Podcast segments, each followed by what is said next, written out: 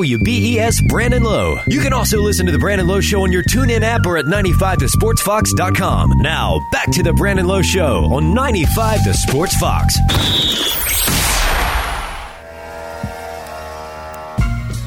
All right, great show so far. It is Whiskey Wednesday here on the Brandon Lowe Show. It's Whiskey Wednesday, Mr. Catfish Cooler.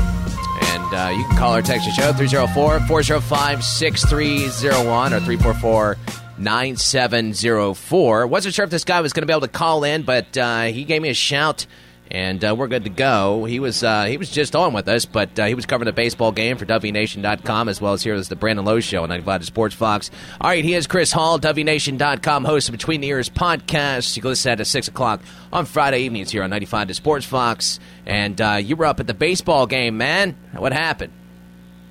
Uh, Mountaineers uh, surprising the pitching staff again. Uh, Mazey uses uses seven pitchers. Just used a lot of young guys today, and uh, really surprising at the consistency of these freshmen. Uh, one struggled, Zach Ottinger. Uh, he struggled, uh, gave up three runs in the seventh. But the Mountaineers win 8 3. They're getting the bats going at the right time. Played defending national champion uh, Oregon State this weekend. The bats have been kind of slow. They got shut out over the weekend in the final game against Georgia Southern. So good to see the bats alive. They're using their speed on the base pads. Um, Brandon White still second and third. You're starting to see that from somebody every game. So uh, they're starting to pick up their offense and that pitching.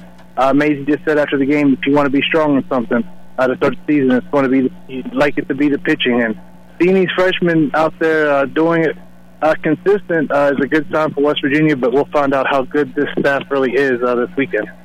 Yeah, uh, another uh, good win there for uh, Randy Mazey and his guys. And yeah, Oregon State, you know, it's uh, that's a team that uh, contends for national championships, wins national championships. That's a that's a really good club up there. So it's definitely going to take an effort, uh, strong effort this weekend for sure, Chris.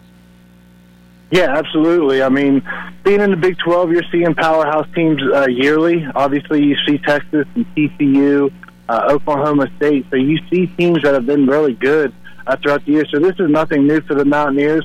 Non-conference, they usually try to beef it up, kind of get that resume.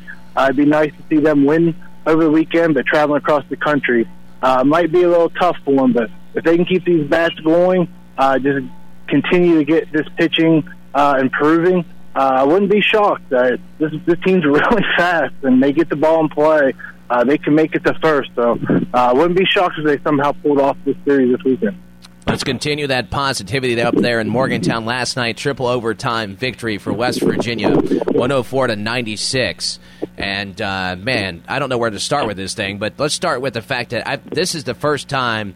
I think all season long. I mean, we've seen it a couple. We've seen some spurts throughout the season, but this is the first time that we saw this team just really go after it and play with 100% effort the entire game.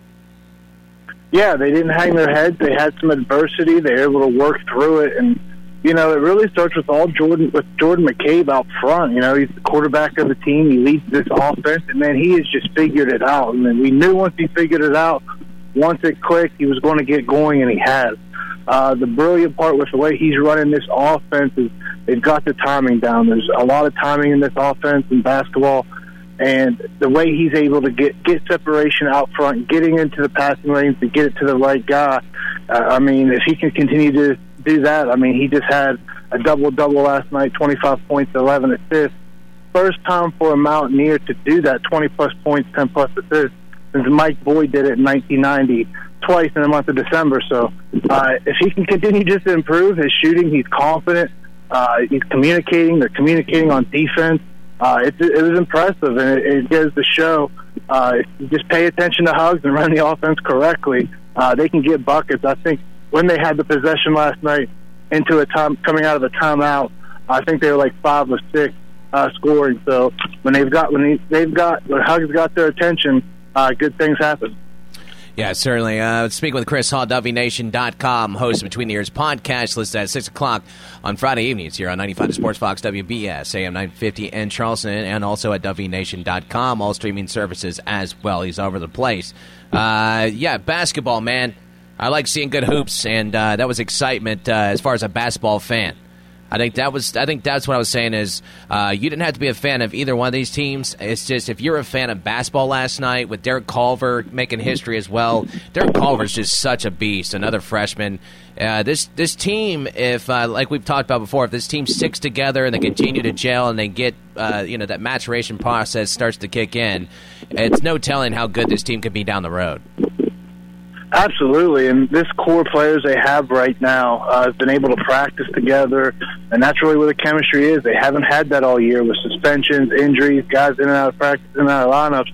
They really haven't been able to form that form that chemistry. But since the departures of Esa and West, uh, they've just kind of rallied together. They don't want to lose, and you're seeing them work work outside of practice. Culver and McCabe I was working on the pick and roll on their own time in the practice facility this past week. So them putting in the work, getting that connection, that's what it takes. And really, I mean, it, you hate to say it because they're just freshmen, but uh, if you, they can finish these last two games, maybe two and one, you got to feel pretty confident going in the tournament that they could possibly win one or two games. Obviously, I don't think they have the depth playing eight scholarship players, ten total. That Tavon Horton last night got a bucket uh, late in the first half, so everyone's kind of contributing, and that's what it takes uh, to win in this league. And these guys figure it out, and it looks bright going going ahead in the future. Ultimately, yeah, we just want to see them win, uh, continue to, well, not even just win, but just play hard, and the winning's kind of like the, uh, the icing on the cake. Because at this point, you just want to see these young guys continue to grow and uh, try to, you know, to gel. I mean, it's coming together, and I really like that. Now, West Virginia does have some winnable games, as Huggins pointed out in post game.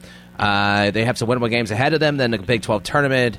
Um, the odds of this happening, I'll get the Vegas odds tomorrow from Greg when he comes on. But astronomical. But like you said, if they can just get a couple wins down the stretch, give them some more confidence, and then head into the next season, you add some of those pieces in the recruiting class, um, some big pieces, and uh, you know Huggy Bear there may uh, may have himself a special season next year. Absolutely. I mean, it's just they flipped this switch uh, these last couple of games, and you bring in Oscar, and you know Staggs is still undetermined. And I'll keep repeating that if he wasn't coming back, he wouldn't be. I don't know why he would still be in class or still traveling with the team. So you have big pieces coming back next year. Just get healthy. Uh, they go to Spain, like I mentioned the other day. That'll just you know two straight weeks of practice, full practices. That's going to do wonders for this young group.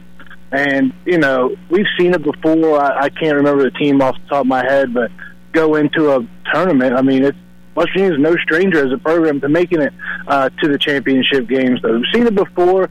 Very unlikely. I'd like to hear those odds tomorrow, to be honest, but very unlikely to do it. But I mean, we we've seen if Chase, if Chase Harler starts hitting these shots the way he's going, Lamont West uh, continues to get going, and McCabe and Culver keep doing their thing it's not it's not out of the realm to possibly think that they could somehow make a run with everything Kansas is going through, and they've already shown that they can play with Texas Tech.